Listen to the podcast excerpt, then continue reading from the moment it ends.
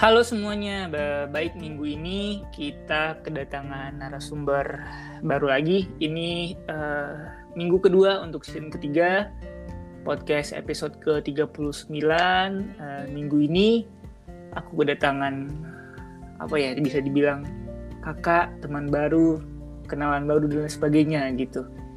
Uh, langsung aja Kak Alifa Fajaria. Halo Kak. Halo Yayo, makasih. Akhirnya uh, ini ya, bener sih teman baru karena emang bener-bener uh, baru kenal ya kita ya. Iya bener, ah, bener bener banget. Iya bener kakak, apa kabar kak? Alhamdulillah baik. Uh, kemarin kan emang sempat sakit ya, cuman hmm. alhamdulillahnya uh, bisa tag podcast hari ini karena emang uh, exciting banget sih. Maksudnya hmm pas ditawarin kan Khalifa yuk bikin podcast. So aku kan udah kenal Yayo pas rekrutmen kan. Hmm. terus aku lihat nih oh uh, bikin podcast juga nih anaknya aktif gitu. Hmm. uh, seru sih gitu. Aku sempet denger sekali apa ya cuman emang nggak sampai habis. Cuman kayak hmm. wah uh, lumayan konsisten nih gitu. Jadi nggak apa-apa uh, ikutan aja gitu. Oke okay, oke. Okay. ini belum sebelum uh, kita ngobrol-ngobrol terkait topik hari ini kan kita ngomongin pengalaman sih kak. Hal-hal hmm, ringan hmm, sebenarnya kan. Kenapa bersedia untuk uh, apa join di podcast aku? Terlepas hmm. kita udah pernah ngobrol sekali waktu hal tersebut gitu kan.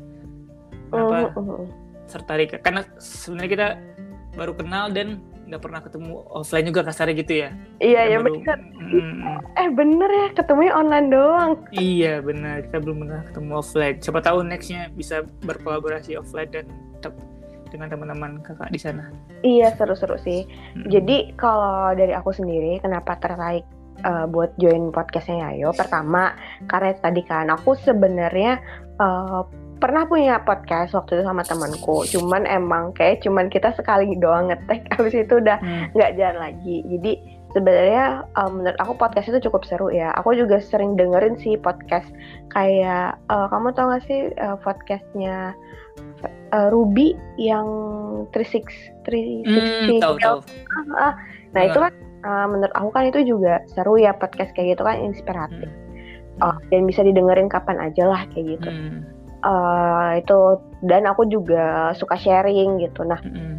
menurut aku uh, apa ya ketika dikasih kesempatan nih sama Yayo eh Khalifa yuk uh, join. Nah menurut aku uh, itu bakal seru banget sih. Karena pertama kita emang bener-bener stranger ya kayak bisa iya, dibilang. uh, stranger bener. kenalan pun pas itu uh, lagi ada rekrutmen di mm. Blank di tempat aku kerja sekarang. Mm. Dan kebetulan Yayo salah satu kandidat walaupun mm. waktu itu uh, akhirnya nggak lanjut ya karena udah keterima di kantor yang sekarang.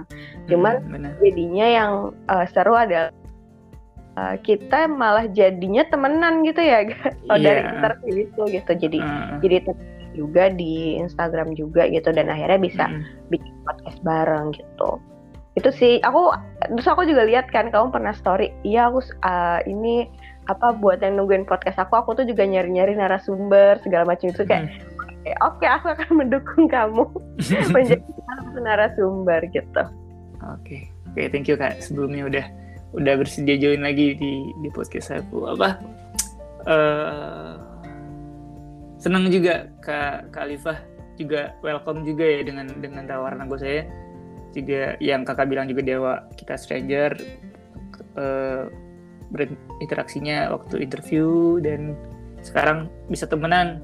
Semoga hmm.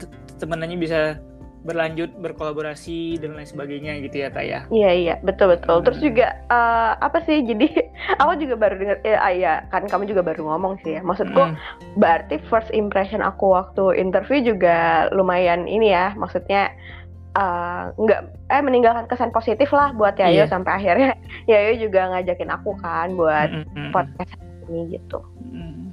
ini aku manggil kakak atau manggil Ayu bingung kan iya ya terserah sih kalau misalnya kita mau Palembang banget ayo gitu kan ya Sumatera lah ya udah ya aku panggil kakak aja buat temen-temen yang denger kakak aja kali ya. iya tapi for information ya buat yang denger ayu itu tuh bahasa mm nggak tau Melayu ya? Apa apa mm. sih Melayu kali ya? Soalnya Pekanbaru yeah. juga ayu Pekanbaru juga ya? Hmm, iya iya. Nggak tahu kamu di sana panggilnya apa? Kakak aja? Uh, kalau di aku kalau di Padang ada oh, sorry sorry Padang. Nah, Padang Uni. Hmm, Uni, iya, iya. di Palembang Ayu kan. Iya, Palembang Ayu, Jambi juga Ayu deh kayaknya. Hmm. Ha -ha, daerah Sumatera Selatan lah pokoknya. Hmm. Daerah Sumatera uh, uh, yang selatan. Oke, okay, boleh okay. lanjut lanjut. Baik baik kak. Ini kita pertanyaan aku hal umum deh kan kakak sebagai talent manager di Den Blank. Pasti juga mm -hmm. banyak teman-teman yang masih belum tahu nih kak Den Blank itu apa. Dari kakak sendiri, Den Blank itu mm -hmm. apa sih kak? Oke, jadi Dan Blank itu adalah uh, lokal brand fashion yang berdiri. Ini uh, ngomongnya berdiri ya, establish hmm. ya, uh, sejak 2012. Udah cukup lama 2012 itu berdirinya karena karena awalnya emang Dan Blank itu mulainya dari online shop gitu. Hmm. Percaya atau enggak nih, Dan Blank itu uh, dulu mulainya di tahun 2012 itu dari uh, grup BBM dari online shop BBM gitu maksudnya. Hmm. Jadi emang waktu itu uh, foundernya dia jualan gitu ya. Uh, di melalui HP-nya uh, BBM. Kamu dulu pakai BBM nggak 2012? Pakai, pakai. Iya, uh, zaman BB dulu kan uh, HP hmm. BBM lah gitu. Kalau hmm. sekarang sih udah discontinue ya handphonenya. Jadi pakai hmm. itu terus uh, jualan di situ dengan modal hanya handphone dan uh, keranjang baju gitu. Jadi emang keranjang baju itu buat naruh produk-produknya. Nah, hmm. waktu mulai produknya cuma 10 sampai 12 produk gitu. Sampai akhirnya uh, mulai tumbuh uh, dan di tahun 2019 itu juga awalnya punya website dulu sebelum punya store gitu. Jadi punya website dulu, terus akhirnya punya store, punya office dan uh, akhirnya di tahun 2019 eh, itu mulai menjadi PT gitu. Jadi namanya uh, namanya PT Dan Blank Kreasi Indonesia uh, dengan nama brandnya adalah Dan Blank kayak gitu. Jadi uh, apa Dan Blank itu ya lo, lokal brand fashion lah bisa dibilang dan itu emang mulai dari nol banget nih gitu sampai akhirnya sekarang bisa jadi PT dulu yang dikerjain sendiri sama foundernya sekarang timnya udah uh, 45 orangan lebih lah gitu hmm. seru sih gitu dan emang jadinya uh, kes, jadinya kayak startup sih jatuhnya hmm. karena uh, walaupun uh, brandnya udah ada sejak 2012 hmm. tapi kan sebagai PT itu baru di 2019 gitu ya jadi emang uh, banyak banget hal-hal uh, yang uh, apa ya jadi PR lah di hmm. sebuah perusahaan baru pasti banyak hmm. banget kan hmm. PR-nya gitu dan uh, aku di sana sebagai talent manager itu waktu itu di hiring justru setelah mereka jadi PT gitu hmm. jadi uh, pokoknya aku bisa dibilang HR pertamanya lah di sana hmm. jadi emang emang yang ngedevelop uh, apa sistem SDM-nya di sana seperti apa kayak gitu. Hmm. Oke oke, kakak mention udah uh, sebagai talent manager hari ini kan? Mm -mm kakak jadi HR pertamanya uh, sampai hari ini uh, telemanager di Denblank itu kerjanya apa aja dan timnya ada berapa orang? Hmm, Oke, okay. jadi waktu pertama kali join, aku itu join di Agustus 2020. Hmm. Terus uh, waktu pertama kali aku join itu, mostly sebenarnya emang uh, title-nya talent manager gitu ya. Cuman hmm. uh, nggak cuman talent doang nih yang diurusin, tapi hmm uh, aku juga ngurusin A to Z-nya HR lah gitu. Jadi hmm. mulai dari rekrutmen, terus sampai dengan uh, pengelolaan SDM di dalamnya, people development, sampai hmm. juga aku juga ngurusin compensation benefit gitu. Jadi aku pegang payroll juga. Hmm. Itu semuanya ya, all in. Hmm. Hmm. Iya, soalnya uh, sebenarnya gini, waktu aku belum join itu ada GA-nya sebenarnya General hmm. Affair-nya.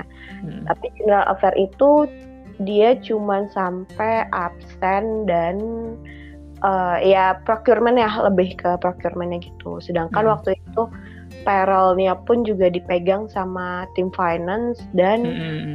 uh, foundernya langsung gitu. Nah setelah hmm. aku join uh, pindah ke aku kan payrollnya terus juga uh, aku juga terbantu karena kan pakai HRIS ya sebenarnya jadi nggak hmm. masalah sih kalau buat payroll gitu kan hmm. terus yang yang sulit itu sebenarnya di rekrutmen dan pengembangan SDM-nya jadi kayak uh, terutama organization development ya kan karena ada perubahan uh, apa tim di dalam berarti ada perubahan struktur organisasi hmm. kemudian, mm, kemudian kayak uh, berkas-berkas administrasi HR dan sebagainya itu yang uh, aku beresin gitu. Terus itu pokoknya aku mulai join Agustus 2020 sampai akhirnya aku punya tim itu di Februari 2021 hmm.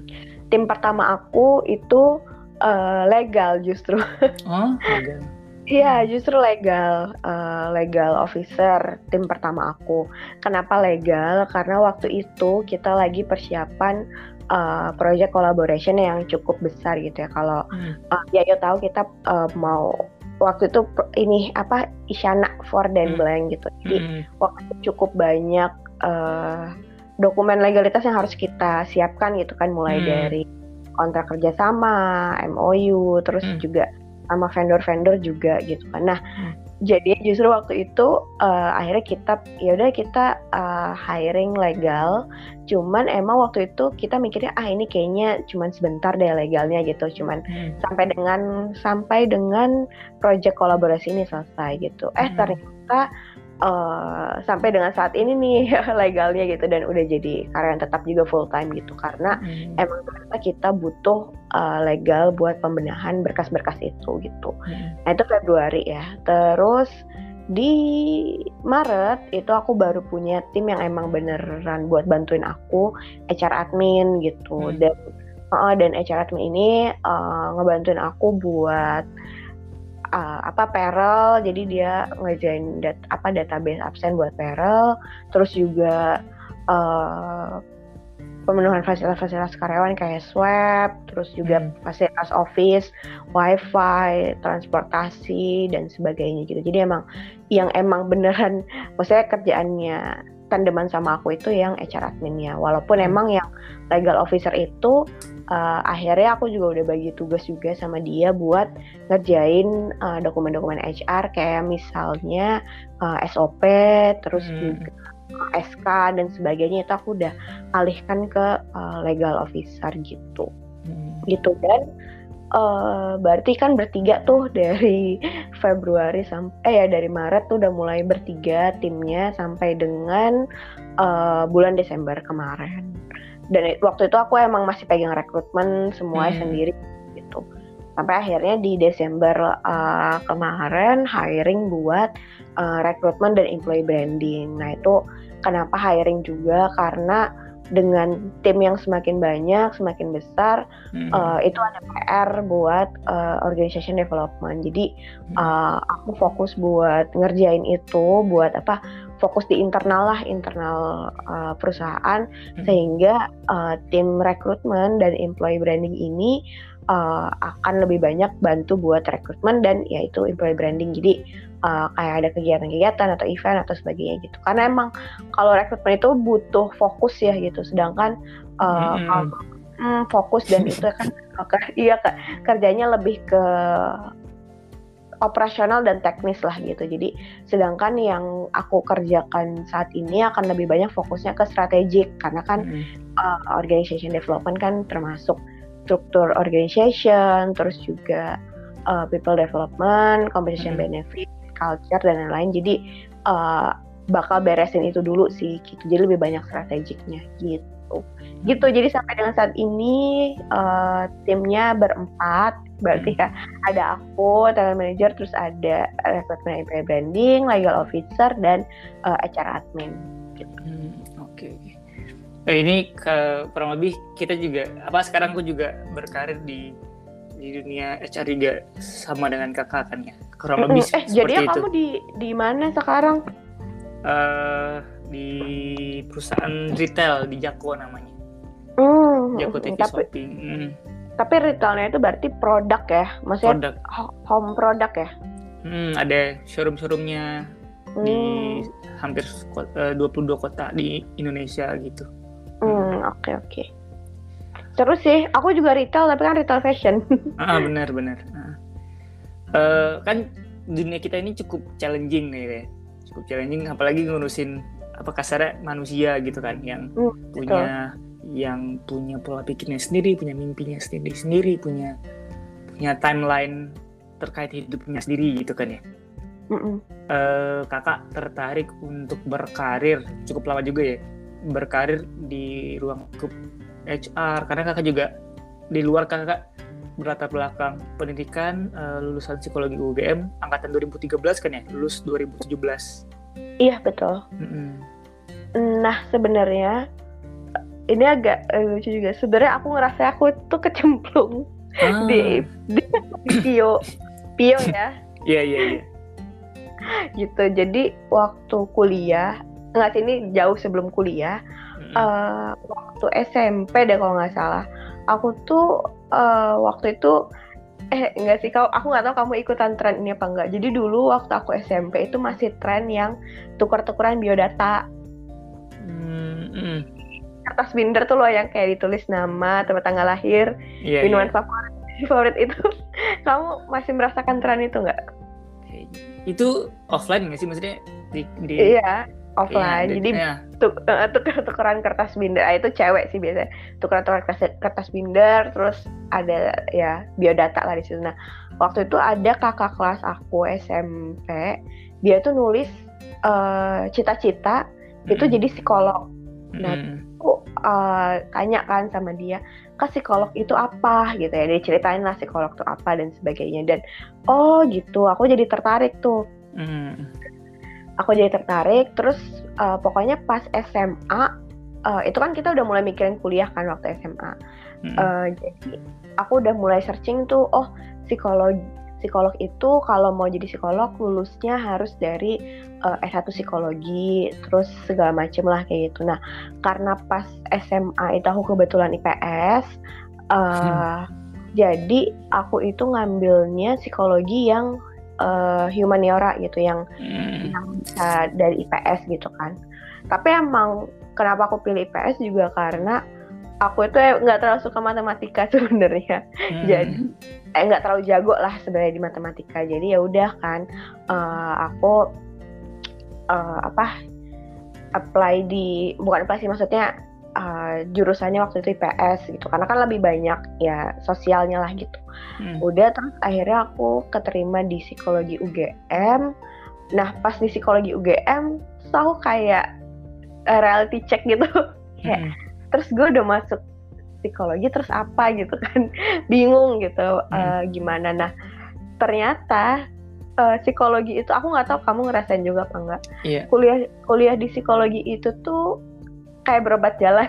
Hmm, banyak, iya benar juga ada. Ya, banyak ba banyak lah teman-temanku juga bilang gitu. Jadi ketika mereka kuliah itu mereka kayak merasakan apa ya? evaluasi diri lah gitu bahkan. iya, jadi kayak tiap-tiap matkul itu tuh kayak ah ternyata begini, ternyata begitu gitu. Ternyata uh, perkembangan masa kecil itu berpengaruh sampai sekarang dan sebagainya gitu kan.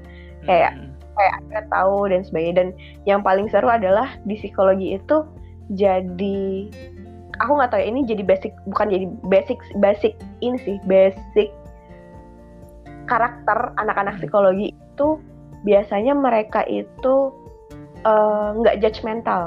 Iya benar. Nggak uh, uh, judgmental, netral, istilahnya gitu. Jadi mm.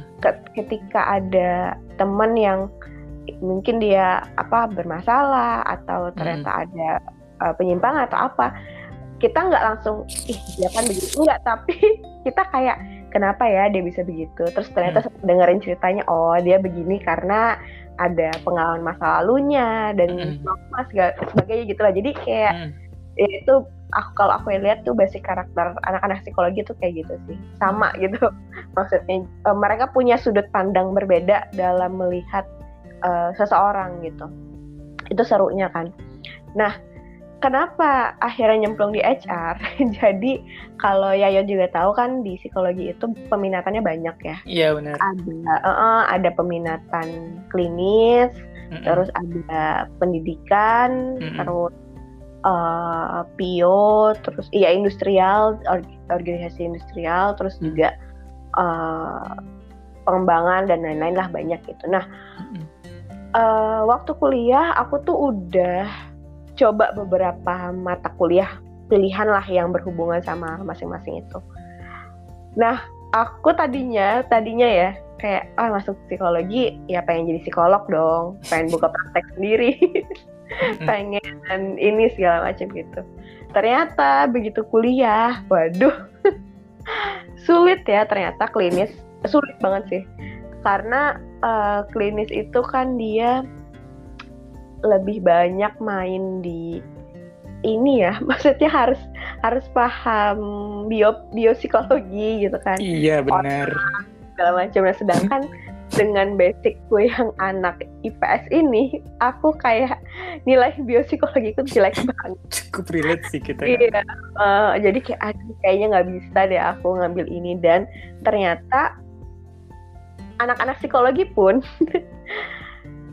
uh, kan kita udah punya nih basic karakter psikologi yang tadi aku bilang ya. Mm. Ternyata di dalam anak-anak psikologi pun itu ada basic-basic karakter lagi sesuai peminatannya, percaya atau enggak. jadi uh, uh, jadi kelihatan banget tuh kalau anak-anak klinis mm. itu itu tuh mereka uh, ya itu lebih bisa mendengarkan. Iya yeah, iya. Yeah uh, uh, kayak ya mengayomi lah kayak gitu kayak gitu. Kalau anak-anak yang mengambil peminatan pendidikan ya mereka sangat concern lah dengan pendidikan segala macam. Hmm. Mereka mereka tahu ini kayaknya uh, tahap perkembangan uh, ini tuh baiknya kasihnya materinya apa seperti apa gitu. Terus yang sosial gitu kan dia lebih lebih apa ya lebih banyak yaitu interaksi dengan apa ya kayak uh, banyak, mereka banyak bikin artikel apa ya kayak artikel-artikel yang tentang bahas kebudayaan yang pengaruhnya sama psikologi apa dan sebagainya gitu. Kebanyakan teman-temanku kayak gitu. Dan yang Pio ya juga sama uh, apa uh, mereka lebih banyak berhubungan dengan bisnis jatuhnya jadi. Yeah. Jadi ketika ngambil keputusan pun mereka mempertimbangkan ya karakter manusianya, karakter karyawannya, tapi hmm. juga mereka harus dengan logika gitu. Hmm.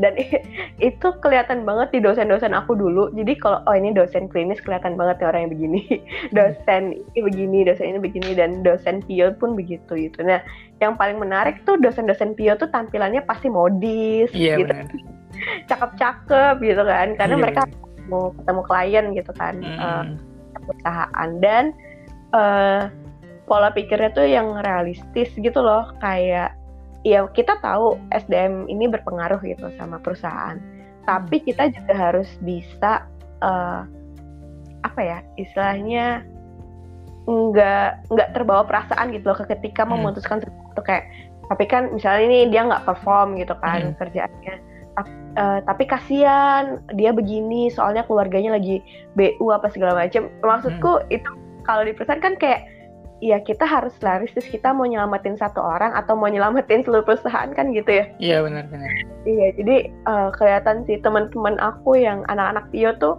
orangnya agak uh, strict gitu. Agak strict gitu orang-orangnya. Iya jadi kayak strict terus saat pada peraturan gitu kan sesuai rules lah kayak gitu. Terus hmm. juga ya itu nggak nggak judgmental emang kita nggak judgmental tapi kita juga realita gitu eh, berdasarkan realita gitu kayak gitu. Uh, karena kan kita juga harus pertimbangin sama keberlangsungan perusahaan ini menguntungkan gak ya buat perusahaan dan sebagainya kayak gitu ya. Jadi kelihatan banget lah. Nah dari banyaknya peminatan itu karakter yang cocok buat aku nih aku ngerasanya oh kayaknya aku cocoknya di Pio deh gitu. Karena mm -hmm.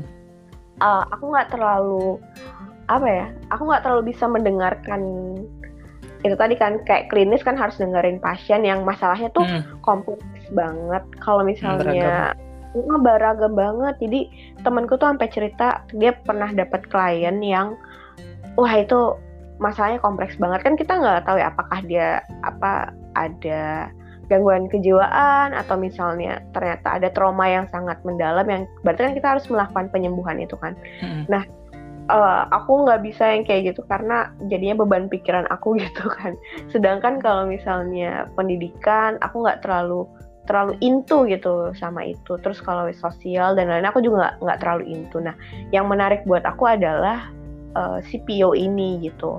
Hmm. Pio ini menarik buat aku karena itu tadi uh, kita tetap bisa bersikap profesional gitu, tapi juga uh, kita jadi pribadi yang menyenangkan gitu sih menurut aku jadi kayaknya uh, aku lebih cocok di situ dan aku juga emang rada uh, rada nggak peka orang ya jujur jadi iya jadi kayak ya udah bodo amat gitu sama sama sesuatu yang menurut aku bukan urusan aku gitu. Hmm. Nah, dan ini juga sebenarnya ada positif negatifnya juga kalau kerja jadi HR.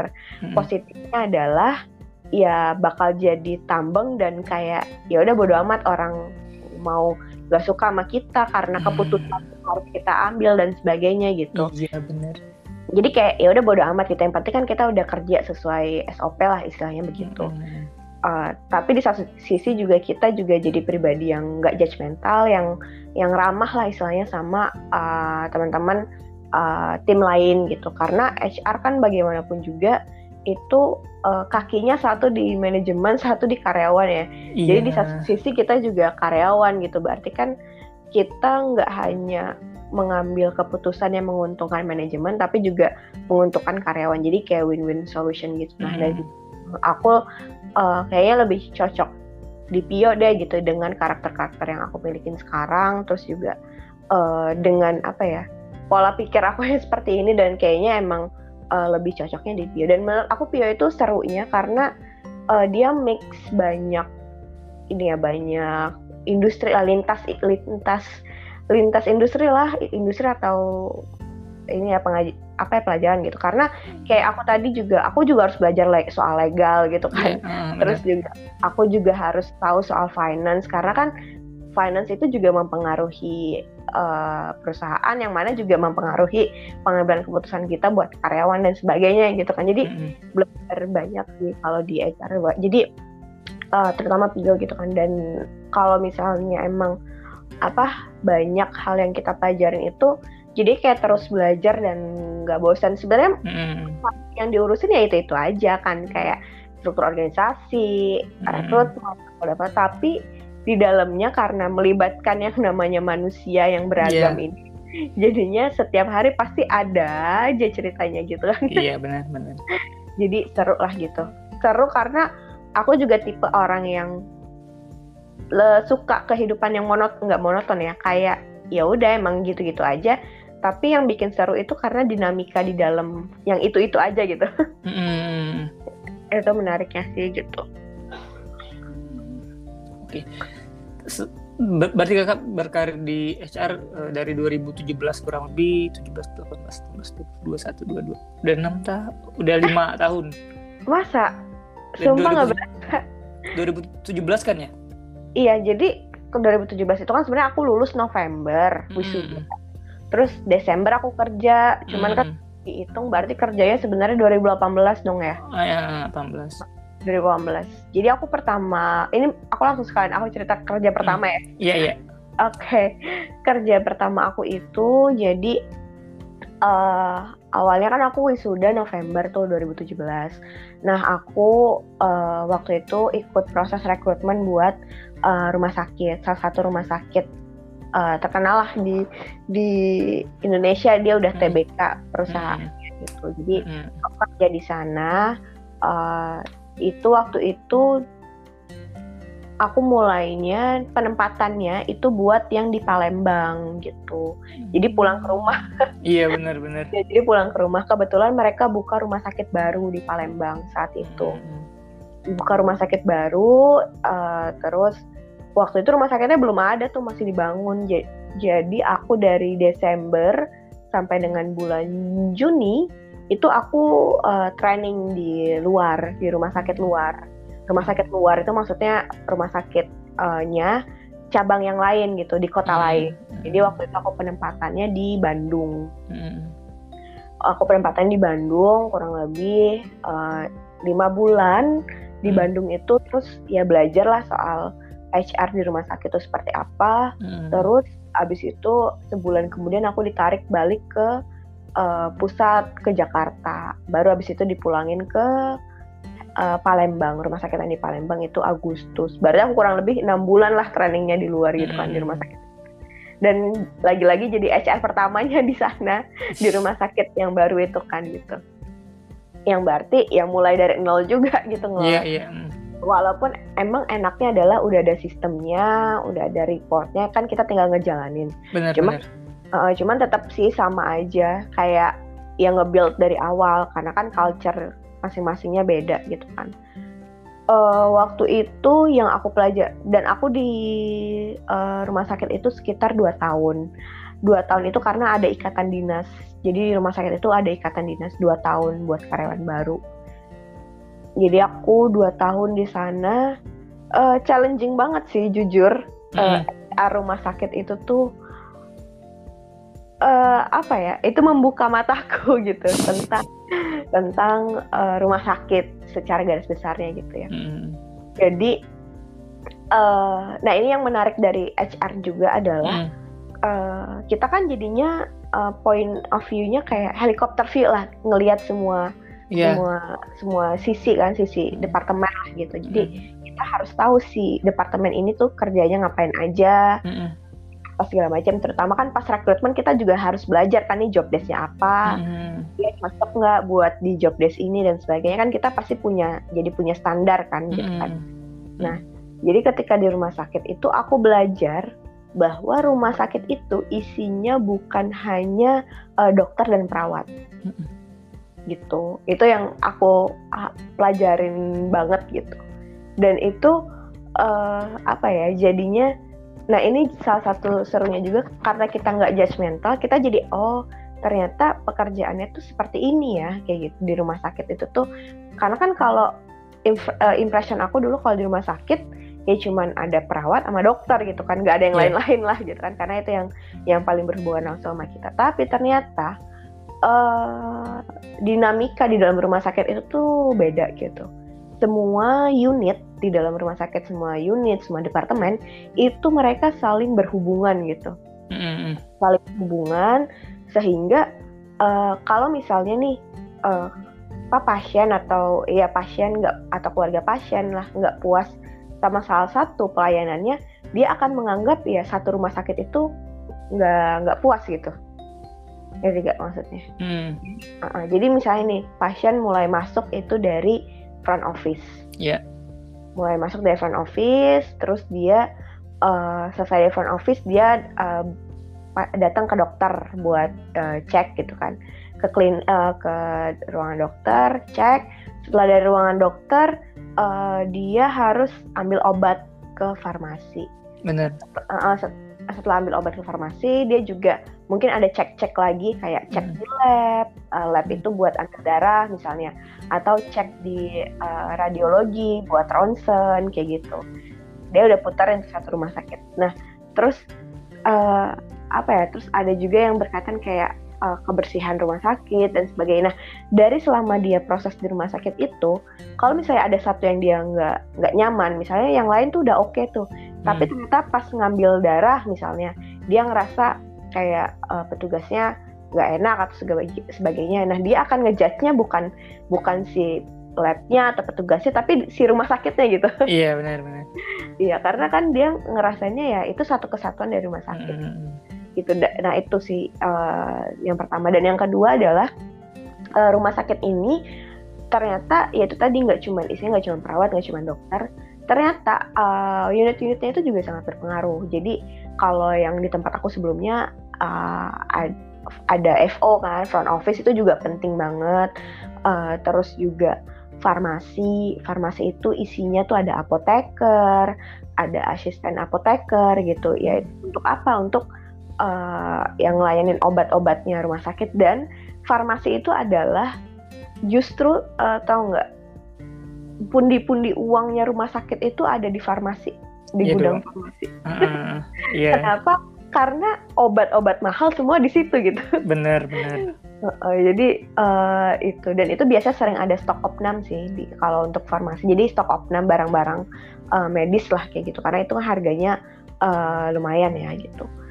Terus uh, ada juga uh, penunjang medis. Penunjang medis itu ya itu tadi ada uh, apa lab gitu kan. Ada tim yang di lab itu ada analis lab. Ternyata ada sekolahnya juga kan ya ada analis lab terus juga ada uh, radiologi ronsen kayak gitu kan. Terus uh, ada penuh apa kayak teknisi alat-alat medis itu juga ada loh sekolah khususnya. Dan itu langka banget gitu dicari buat teknisi alat medisnya ini gitu.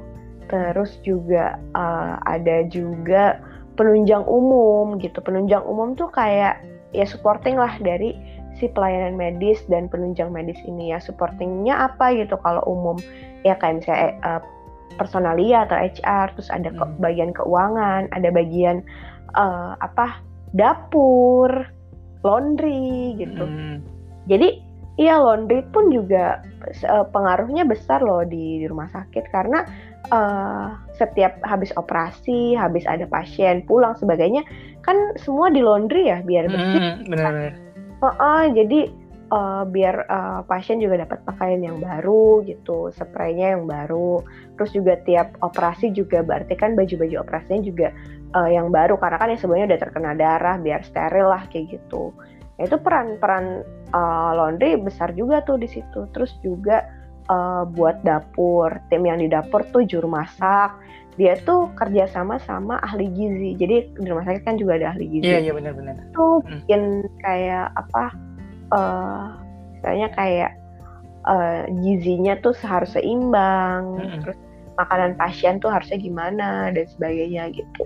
Itu sih. Jadi aku ketika di rumah sakit itu kayak wah semua orang tuh perannya sama penting gitu. Nggak ada yang nggak penting gitu. Semua semua berperan penting uh, di di rumah sakit itu gitu. Itu jadi semua setara lah kayak itu. Uh, fungsinya sama gitu. Walaupun emang beberapa orang fungsinya lebih besar gitu kan. Pasti kayak dokter atau perawat kan besar. Cuman yang lain tetap punya perannya masing-masing kayak gitu. Jadi uh, itu sih yang yang seru juga kalau dari HR tuh jadi lebih tahu oh kita tahu mereka sangat penting jadi ya kita juga harus ngetreat mereka juga dengan dengan baik gitu.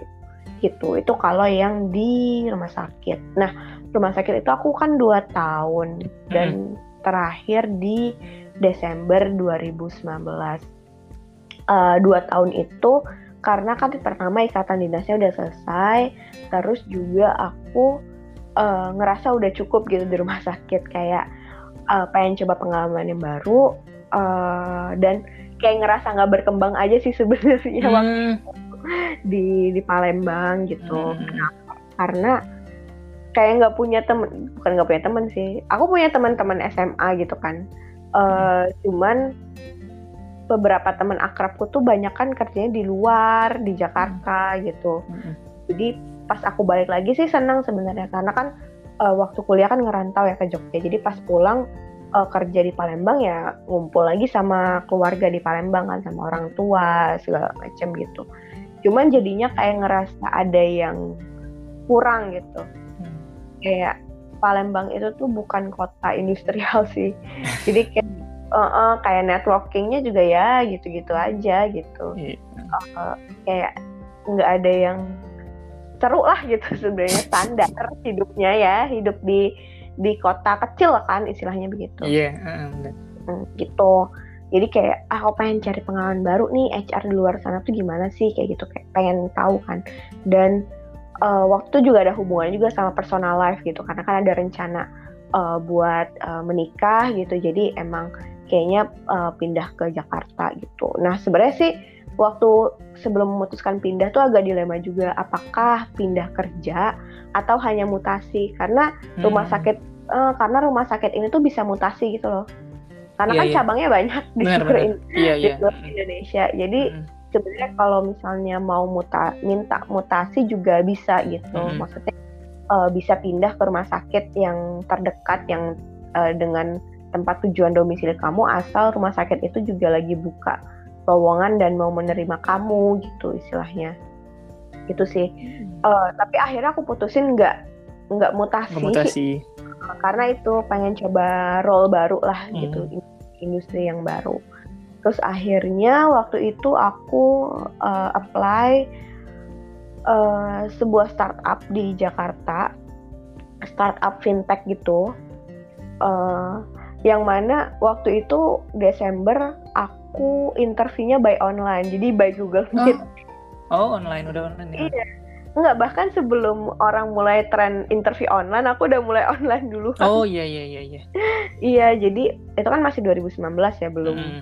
belum pandemi kan. Belum pandemi, iya benar. Iya, jadi waktu 2019 itu aku kan di Palembang, terus uh, kantornya di Jakarta. Nah, aku, waktu itu emang dia ngundang buat datang ke kantornya kan. Terus aku bilang, e, maaf mas, aku nggak bisa kalau harus datang ke Jakarta hmm. karena aku bilang kalau cuma interview doang kan belum tahu ya lolos apa enggak terus juga nanti harus ngambil cuti terus nanti tinggal di mana dan sebagainya jadi aku hmm. bilang bisa nggak buat uh, online aku hmm. bilang gitu karena uh, domisili aku juga gitu. terus akhirnya dia bilang oke okay, nggak apa-apa online gitu ya udah akhirnya kita interviewnya online seru sih itu pertama kali aku pengalaman interview online dan ya emang efektif jadinya hmm. karena kan ada banyak talent di luar sana yang oke okay, tapi dia apa ya eh, nggak uh, bisa datang buat interview offline gitu kan. Hmm. jadi uh, karena kan pasti mikirin biaya dan sebagainya. Sedangkan kalau misalnya udah pasti diterima nih baru kan orang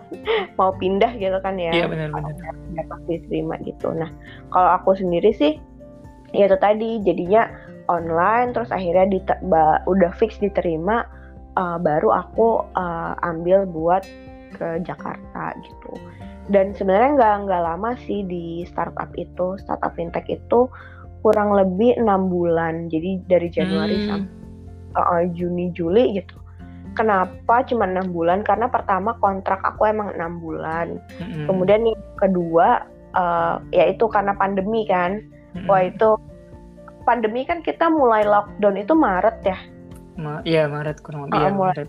Maret. Jadi uh, aku masih kerja seperti biasa itu dari Januari sampai Maret berarti ada ada tiga bulan lah aku kerja seperti biasa kan datang ke office.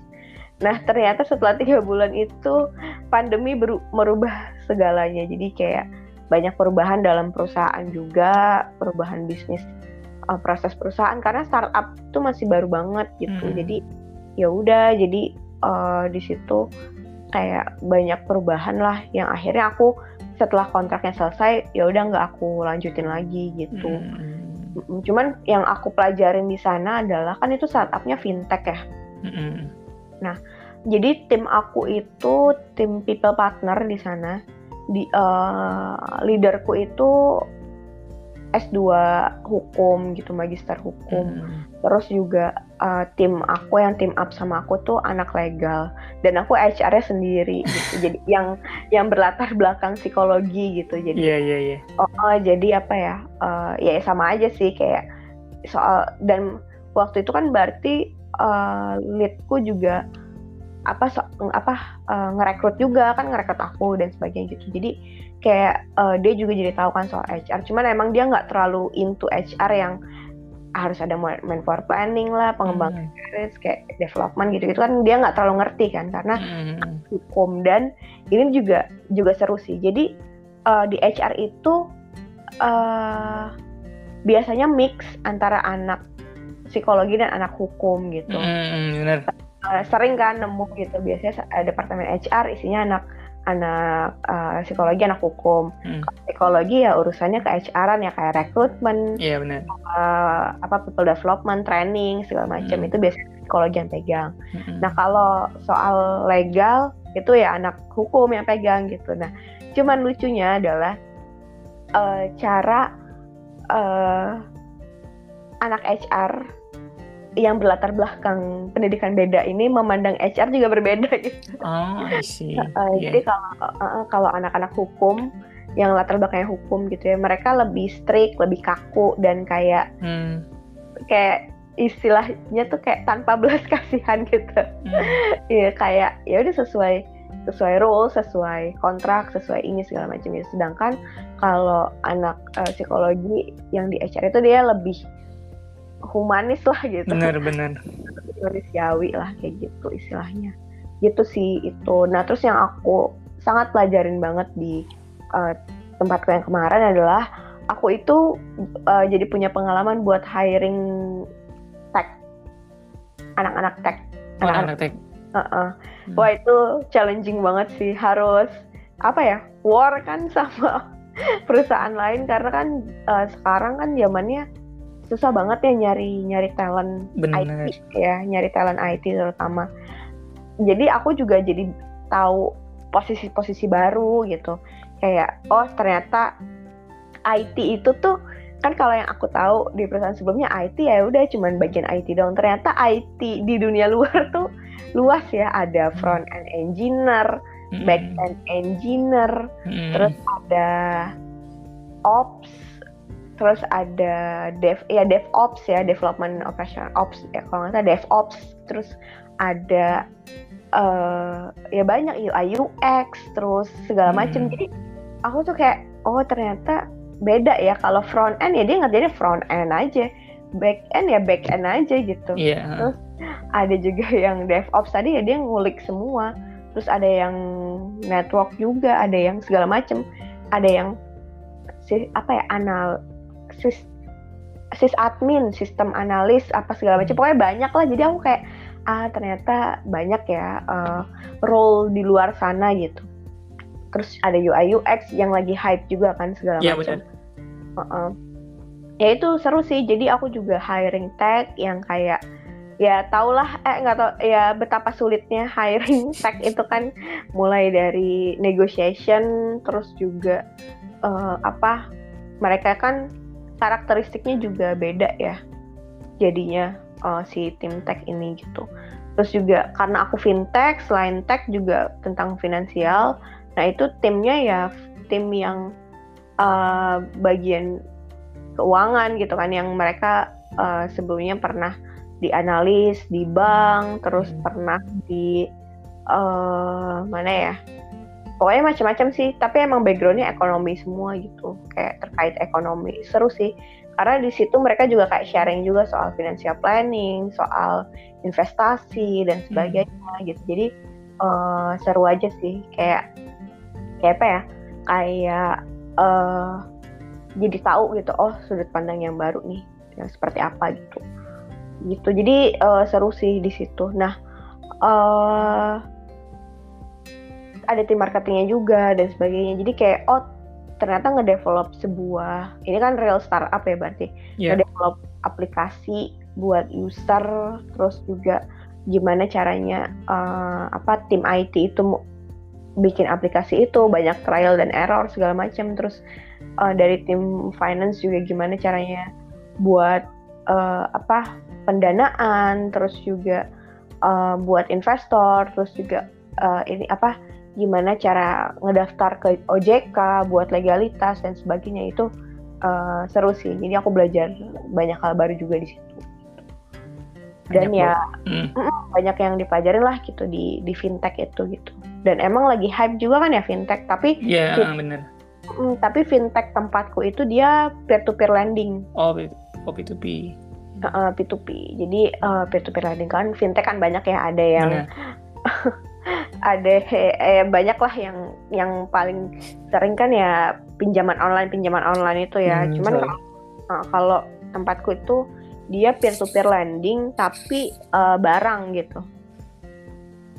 Jadi dia beliin barang misalnya nih uh, dan ini lebih jatuhnya sih segmented ya target pasarnya tuh udah ada karena supporting group lah kayak gitu. Jadi misalnya kamu misalnya si seorang ini beli produk uh, anggaplah misalnya kompor gitu ya produknya.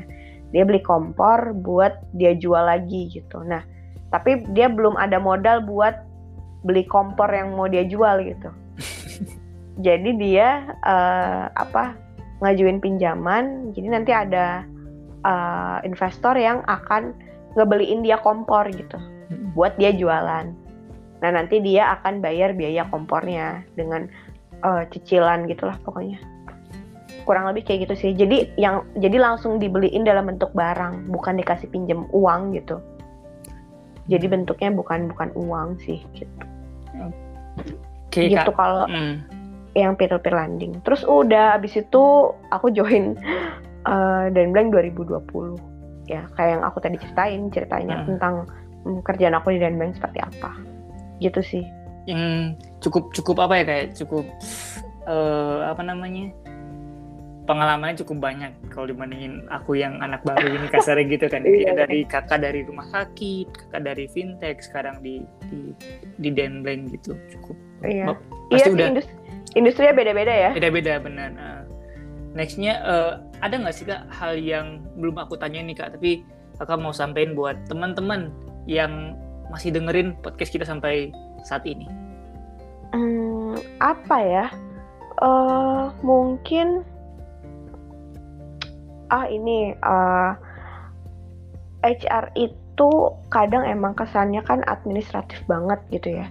Uh, banyak paperwork lah yang harus dikerjain sama HR cuman uh, di sisi lain ya kita harus tetap bisa uh, self development diri kita sendiri gitu. Caranya banyak sih buat self development itu bisa dari baca buku, baca artikel atau bisa dengerin podcast. Jadi belajar dari pengalaman orang lain kayak gitu kan.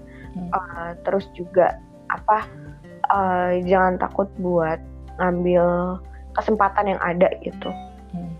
Karena kalau misalnya dari pengalaman-pengalaman aku sebelumnya itu kan aku beda-beda juga ya industrinya ya Hmm. dan yaitu kayak mau belajar sesuatu yang baru karena kan ketika kita fit in di sebuah organisasi kita harus harus belajar nih organisasi ini seperti apa seluk beluknya hmm. kita harus paham job desk setiap orang dan sebagainya kayak gitu jadi uh, tetap harus ya tetap harus belajar gitu nggak nggak boleh kayak uh, ya udah kan kerjaan aku cuman gini-gini aja di HR kayak misalnya ya udah ngerjain payroll doang atau ngerjain apa administrasi uh, segala macam gitu. Tapi kan uh, eh, HR tuh di luar itu gitu. Jadi kita tuh kayak uh, penyambung penyambung antara uh, perusahaan dengan karyawan gitu kan. Kayak aspirasi-aspirasi apa sih yang dimiliki sama karyawan? Ya itu kan kita sampaikan ke uh, manajemen gitu. Nah yang serunya juga nih buat teman-teman yang mungkin nanti mau berkarir di uh, eh, HR gitu ya itu HR itu tuh luas banget gitu role-nya jadi nggak apa-apa kalau kamu mulai mungkin misalnya dari HR admin dulu hmm. atau mulai dari rekrutmen dulu gitu karena uh, dari situ kamu bisa belajar banyak hal gitu hmm. kayak oh ternyata kalau di rekrutmen tuh gini kalau hmm ngerjain pekerjaan people development tuh gini, kalau hmm. payroll tuh gini segala macam gitu. Jadi wawasannya luas yang mana itu bisa buat uh, batu loncatan kamu ke jenjang karir berikutnya kayak gitu. Jadi eh, nggak uh, apa-apa pelajarin aja semua hal yang berhubungan dengan dengan HR gitu karena itu bakal berguna lah buat kamu dan uh, sama ini sih jadilah HR yang mm, memanusiakan karyawannya gitu karena uh, uh. ini penting sih karena jujur kadang ah, kamu follow HRD Bacot nggak sih? Hmm, oh iya, aku dengerin itu podcastnya. Oh, kamu dengerin podcastnya ya, oke. Okay. Jadi kan aku follow lah Instagram uh, si HRD Bacot ini dan mereka juga cukup terkenal di Twitter ya.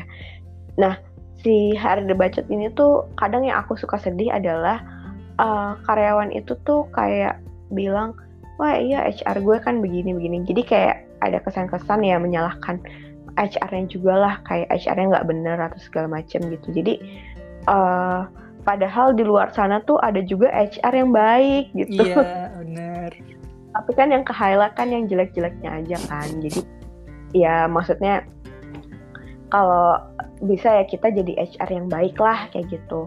Yang baik tuh gimana ya? Yang mau dengerin masalah karyawan. Mm hmm, apa ya istilahnya tuh yang nggak jadi kompor lah gitu mm dan nggak yang terlalu gimana ya aku juga bingung sih jelasinnya uh, tapi gimana ya jadilah HR yang ya profesional iya, itu bisa memisahkan antara urusan pribadi dan urusan pekerjaan tips dari aku juga adalah uh, kita harus uh, ini nggak tips dari aku sih. Jadi aku dapat pengalaman ini dari waktu aku intern dulu. Mm-hmm. Aku pernah intern terus uh, mentorku pernah bilang gini, kamu sebagai HR, uh, eh, kamu nggak harus deket sama semua karyawan gitu. Mm-hmm. Kamu nggak harus apa ya, nggak harus uh, mengayomi semua karyawan karena itu bakal capek karena karyawan itu banyak banget kan pasti gitu hmm. uh, nggak semua orang akan suka sama kamu gitu hmm. dan nggak suka sama kamu itu bukan ber bukan bisa jadi ya mungkin dia nggak cocok sama personality kamu atau kedua hmm. dia nggak suka sama keputusan perusahaan akhirnya menyalahkan kamu gitu iya bisa nggak sukanya di situ gitu jadi kamu nggak bisa expect semua orang suka sama kamu hmm. uh, dari 10 orang misalnya kalau ada yang nggak suka sama kamu satu dua orang itu wajar hmm. namanya manusia ya hmm. tapi ada juga orang-orang yang kenapa nggak suka? Ya nggak suka aja gitu. Nggak sukanya ternyata ya mungkin karena seleranya nggak sama atau hmm. bukan satu tongkongan yang sama gitu loh. Jadi bisa jadi nggak suka gitu. Uh, tapi kalau misalnya 10 orang itu 10 sepuluhnya nggak suka sama kamu ya berarti kamu harus introspeksi diri lah gitu. Yeah. apa yang salah dari kamu gitu. Cuman yang aku jadi pegangan banget adalah bahwa kita harus seenggaknya kenal satu dua orang di setiap departemen gitu. Mm-hmm. Yang jadi pegangan kita mm-hmm. pegangan itu maksudnya gini jadi kalau di departemen itu ada masalah misalnya mm-hmm. kamu dengar gosip nih mm-hmm. ada masalah di departemen itu ya kamu tanya sama orang yang kamu percaya di departemen itu gitu. Hmm. Kemarin katanya ada ini, nah nanti dia akan cerita sama kamu. Jadi kamu nggak perlu nggak perlu apa ya, nggak perlu dapat info dari banyak orang lah. Kamu cukup dapat info dari satu orang itu. Eh nanti kamu ya tetap terupdate gitu sama sama semua gitu. Jadi itu yang aku terapin waktu baik di rumah sakit, di startup fintech maupun di uh, Denblank saat ini. Kenapa? Jadi setiap departemen itu ada satu orang yang aku bisa tanya dan aku bisa uh, inilah korek-korek lah istilahnya hmm. ada apa jadi kayak eh kenapa gini dan itu jadinya kita bisa akrab gitu karena kan pasti pasti bisa sih di satu departemen ada yang cocok lah sama kita gitu hmm. jadi nanti bisa uh, kita tanya-tanya juga cuman kita juga harus bisa membatasi uh, hubungan sama dia gitu jadi hmm. harus prof harus profesional gitu kalau curhat soal kerjaan aku tuh sangat senang kalau teman-teman kantorku tuh curhat soal kerjaan, mm-hmm. tapi aku nggak menerima curhat soal kehidupan. jadi, uh, uh, jadi kalau mau curhat soal kehidupan dia, ya itu di luar jam kerja gitu. Iya benar.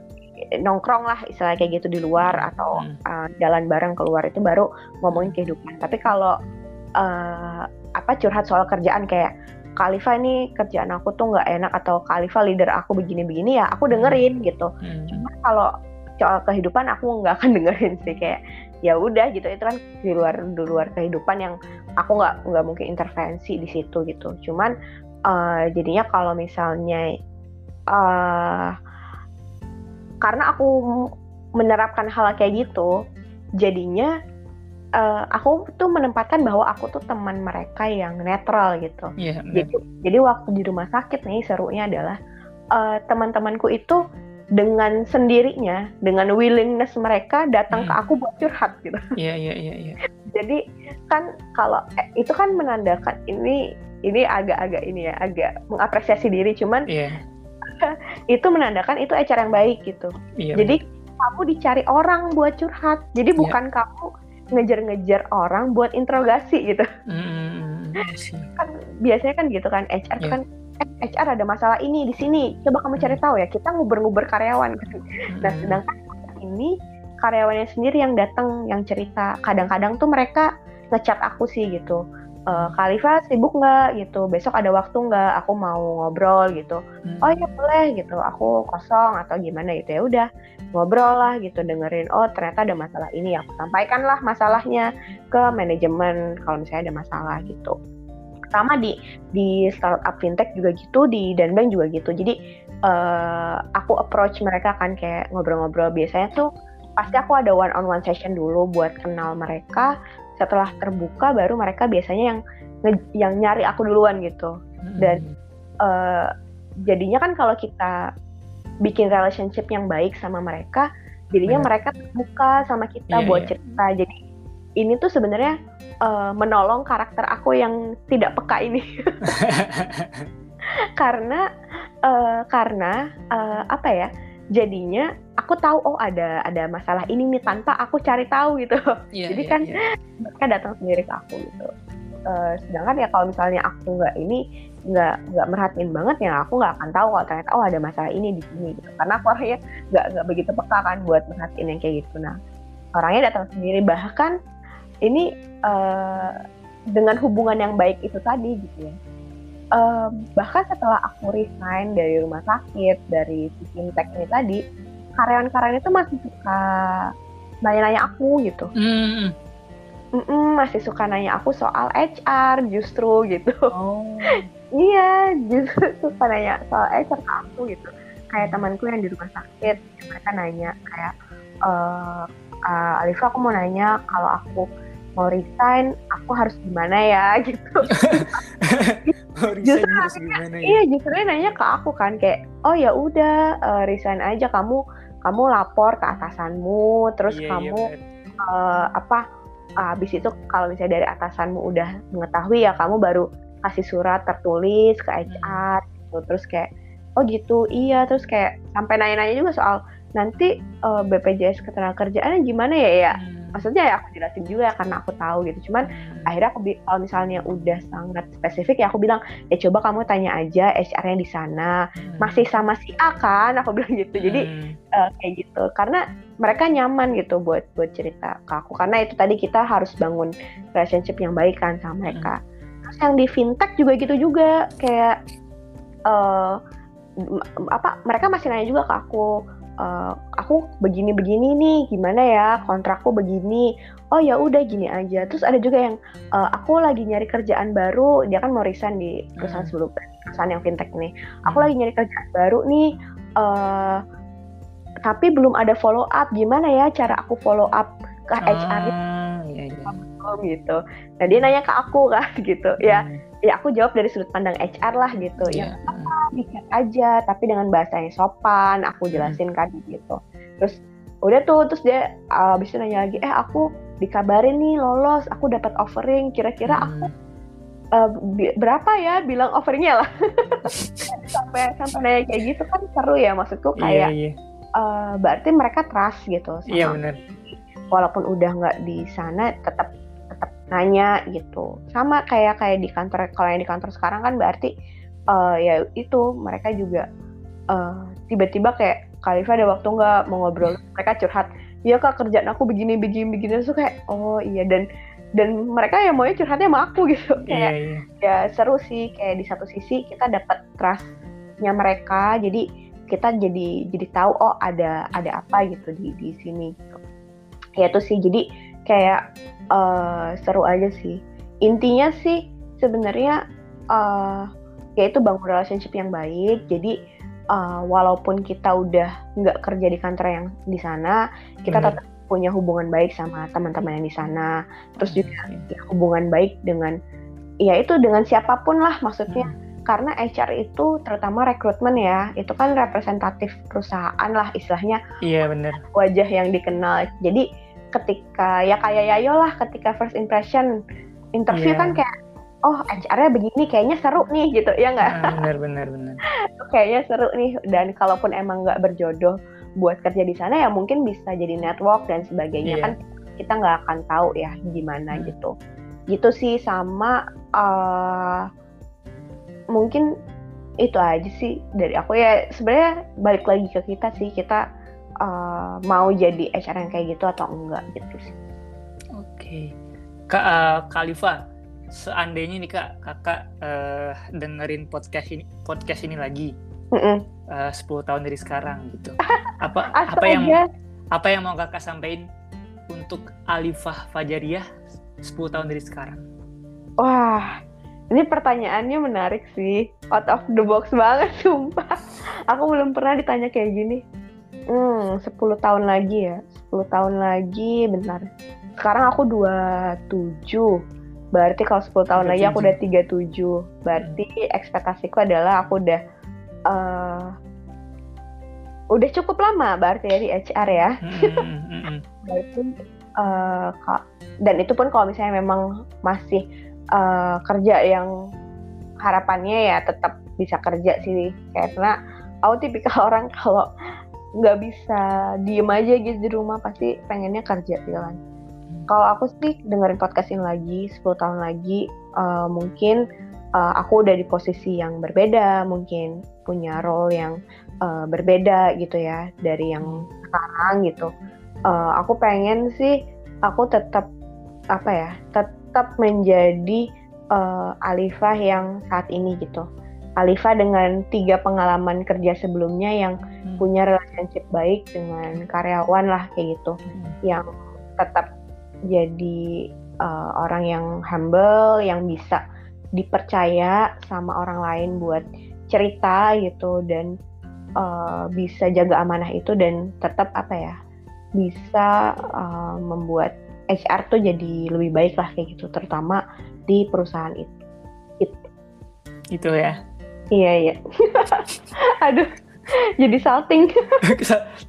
Padahal ntar kakak yang bakal dengerin lagi masalahnya kan? Iya bener-bener. Oh kalau gitu kayaknya aku harus bikin reminder deh. Iya apa? Uh, bikin drafting email untuk 10 tahun ke depan. Bener bener bener. Seru sih.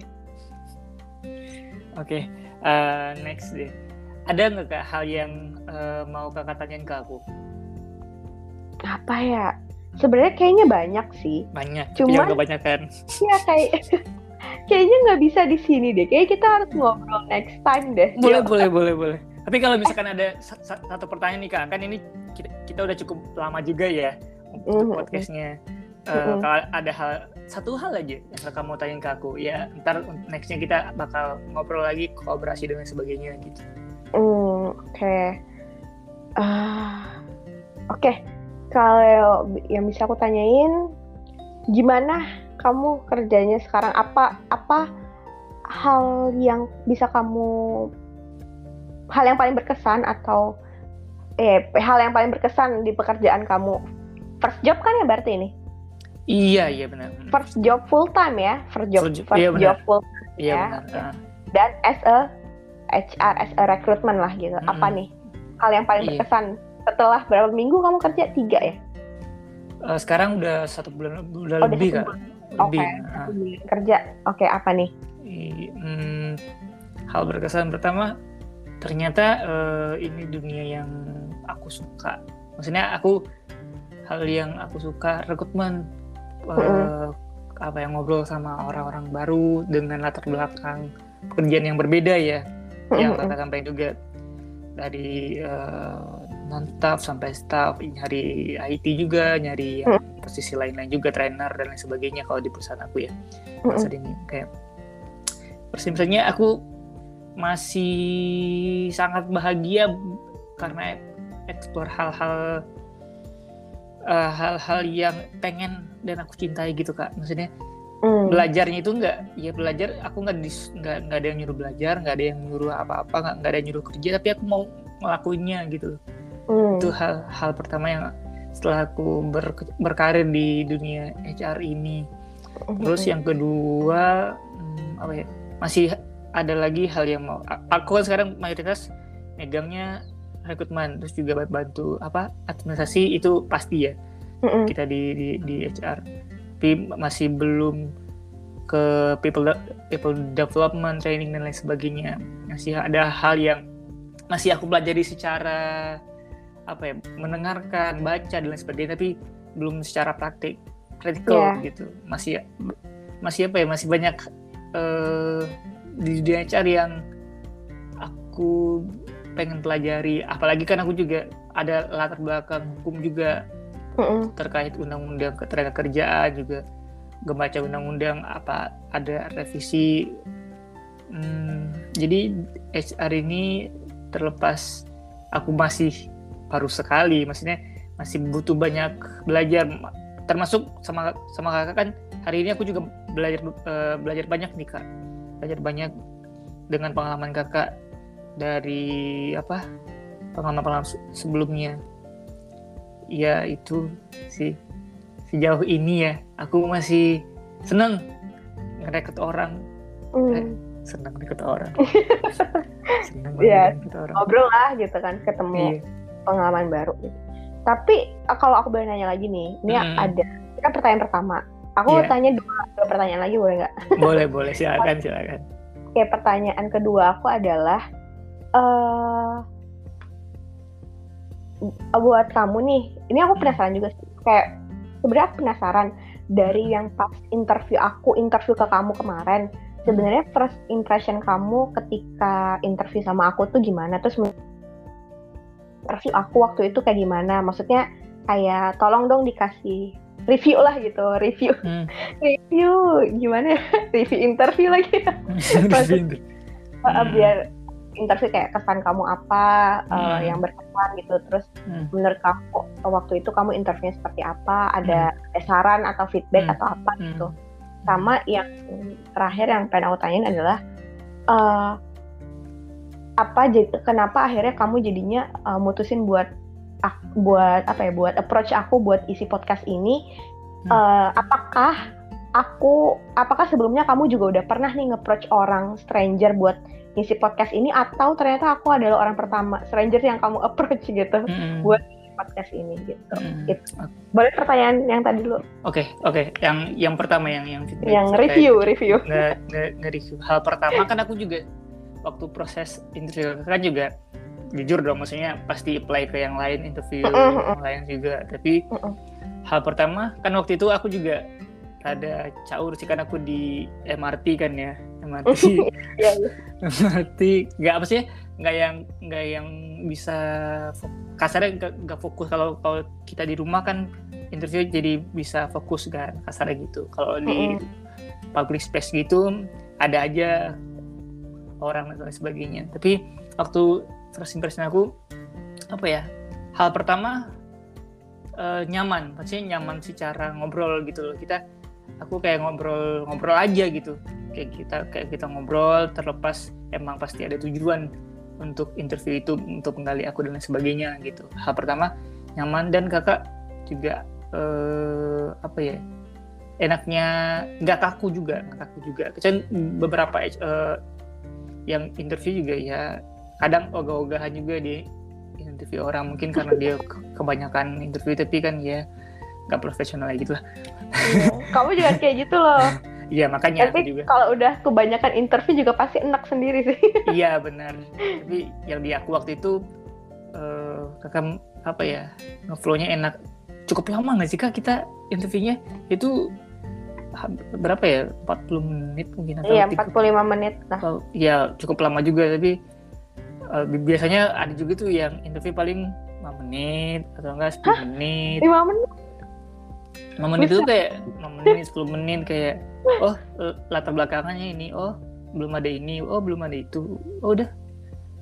Nanti kalau misalkan uh, ini kami hubungin ya kalimat-kalimat yang uh, template sekali kan iya iya iya. Kalimat-kalimat template itu ya di kakaknya uh, apa ya bilang profesional iya benar profesional dan pembawanya juga apa ya sebagai teman aja gitu. Misalnya temen yang bisa ngobrol enak nggak nggak canggung nggak canggung juga nggak nggak ada gap nggak ada gap nggak ada gap untuk bisa ceritain apa aja jujur aja. Saya kalau bagi aku kan sesi kita uh, interview itu sisi kita cerita aja cerita apa diri kita apa adanya aja kita nggak dibuat-buat nggak di tempat tambahin nggak dikurang-kurangin. Nah kadang kadang uh, challengingnya kita sebagai inter uh, rekrutmen itu uh, apa yang nge-interview itu um, kita terlalu kaku jadinya yang di interview nggak ngebuka dirinya secara iya. utuh gitu ya waktu nah di kakak waktu itu aku ngerasain bisa membuka itu dan juga setelah itu kan ada apa membuat poster juga kan ya poster juga. Juga aku buat juga dengan dengan bahagia gitu. Wah gue akan masuk Denbleng nih guys. Masuk Denbleng nih udah seneng udah seneng kan tapi ya intinya belum jodohnya ya aku juga belum, yang belum jodohnya aja gitu. Gitu sih kayak itu pertanyaan yang kedua berarti kan ya iya pertanyaan ketiga tadi uh, apa? Eh, pertanyaan ketiga tadi, uh, apa sih yang akhirnya memutuskan kamu, oh kayaknya aku approach Khalifa aja nih buat ngisi oh, podcast iya, aku. Uh, Terus apakah uh, aku orang stranger pertama atau sebelumnya kamu udah pernah juga nih kayak gini kayak ketemu hmm. stranger kenalan hmm. doang terus hmm. akhirnya hmm. Uh, diikutin podcast kayak gini gitu. Hmm, Oke, okay. podcast ini uh, uh, bukan kakak pertama yang stranger. Banyak malah. Gak, gak banyak juga sih. Ada beberapa kan juga yang aku aja podcast orang yang aku kenal teman aku sendiri dan keren sih yang, kamu yang udah Kalo itu tapi dan hal pertama uh, apa ya kak Khalifa untuk untuk untuk season ini emang iya. Yang kalau yang kemarin kan emang teman aku kan teman aku yang mm -hmm. nongkrong aja gitu. Yang untuk sekarang ya orang pertama di season ketiga tapi untuk season sebelumnya -hmm. malah lebih random sih kak aku ngobrolnya oh, ada iya. yang random itu maksudnya kalau podcast yang sekarang kan aku emang maunya karir aja gitu secara -hmm. karir aja pengalaman karir walaupun nggak semuanya HR ya ada yang legal ada yang ini ada yang yeah. ya ntar ada nextnya ada deh gitu loh tapi yang untuk untuk untuk sebelum itu kayak randomnya ada Putri Indonesia, ada ada politisi, ada podcaster juga, podcaster politik, ada ada staf ahli DPR yang emang aku berani aja gitu buat buat menghubunginya. Oh keren kan, keren. Pasti kan mungkin kakak juga aku DM juga aku bilang kak kalau misalkan kamu juga nggak apa-apa aku nggak nggak maksa juga dan itu pun juga ada beberapa yang nggak mau atau belum siap buat podcast kan ada orang yang emang nggak berani aja gitu buat ngomong kan kesalahan dan sebagainya. Hmm. atau emang yang belum bales emang emang lagi sibuk dan sebagainya. Ya gitu sih kak. Aku memberanikan diri. Maksudnya kan niat aku baik. Niat aku baik tujuan aku jelas. Kalau nggak mau ya nggak apa-apa. Kalau hmm. mau ya alhamdulillah ya kita podcast kayak gini. Itu sih. Hmm, iya. terus sih menurut aku kamu sangat berani sih. Keren keren. Lanjutkan. Lanjutkan. Ada lagi nggak kak? Atau ada Udah. lagi tapi nextnya aja ya kita kayaknya next aja. aja kita ngobrol. Seru sih maksudnya aku juga banyak sih nanya-nanya. Pengen nanya juga kayak kamu kuliah dua dua fakultas sekaligus segala macam. Itu itu banyak banget yang pengen aku tanya. Tapi itu next time aja kita uh, ngobrol personal live aja. Siap siap siap. Aku tunggu kita ngobrol-ngobrolnya yang lebih santai lagi. Soalnya ya itulah. Oke kak. Uh, ini aku lanjut aja ya? Iya boleh. Okay ini kita udah ke ending dari podcast ini. Ini kalau kakak kalau orang kayaknya orang pertama yang obrolannya sangat panjang sekali menitnya. Maksudnya Oh iya. Iya benar. Ini cukup panjang sih menurut aku karena kan uh, aku biasanya aku batasin 30 menit karena pasti ada Ya ampun, maaf ya.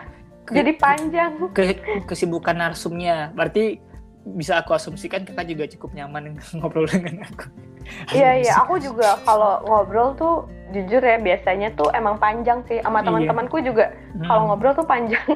Iya. Sorry ya, jadi kepanjangan. Tercapai nggak ngeditnya?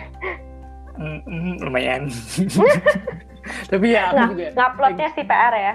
PR ya, aku thank you banget sih udah bisa diajak ngobrol selama ini. Tapi sebenarnya kalau misalkan ini lama di kita aplikasikan di luar podcast lebih seru karena kan nggak ada batasannya batasan mm -hmm. untuk ngobrol-ngobrolnya. Oke. Okay. Iya.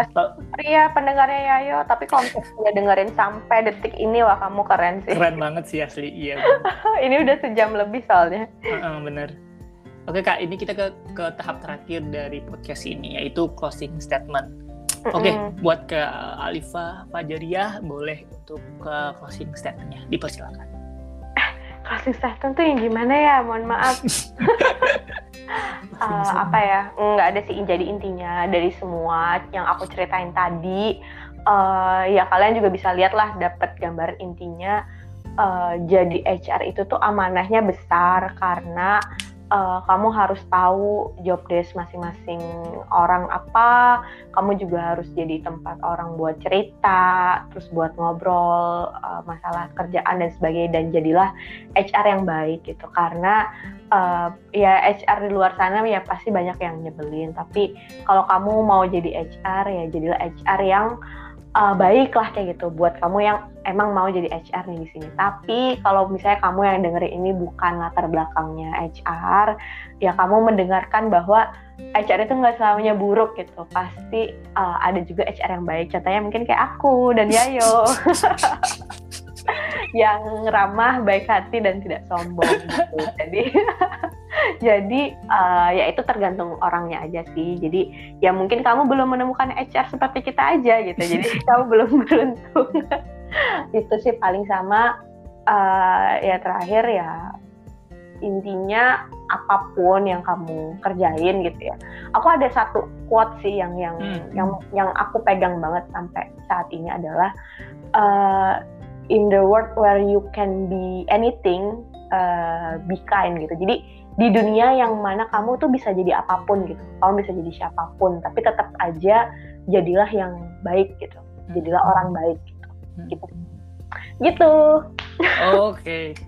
Thank you Kak Khalifah buat uh, closing statementnya dan podcast iya, iya, podcast minggu ini ya Insya Allah akan publish hari ini atau besok aku juga edit dan lain sebagainya. Semoga iya, bisa publish minggu ini. Sekali lagi thank you Kak buat waktunya. Dan iya, thank you banget. Ya ampun, aku jadi panjang banget nih. Makasih iya, ya.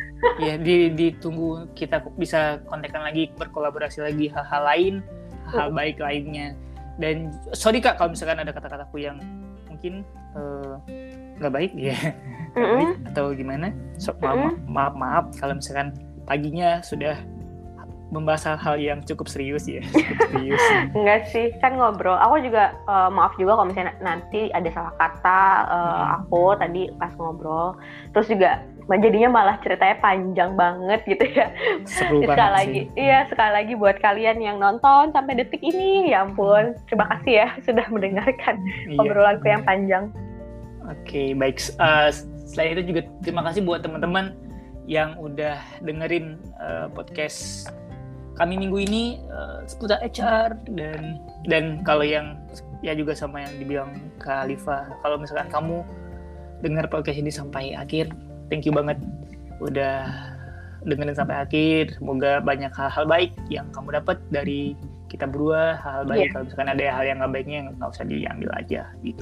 Betul sesimpel, semoga bermanfaat ya. sesimpel itu aja. Semoga bermanfaat. Sekali lagi kak terima kasih untuk waktunya dan happy weekend iya terima kasih. Ayo happy weekend. Dadah kak. Dadah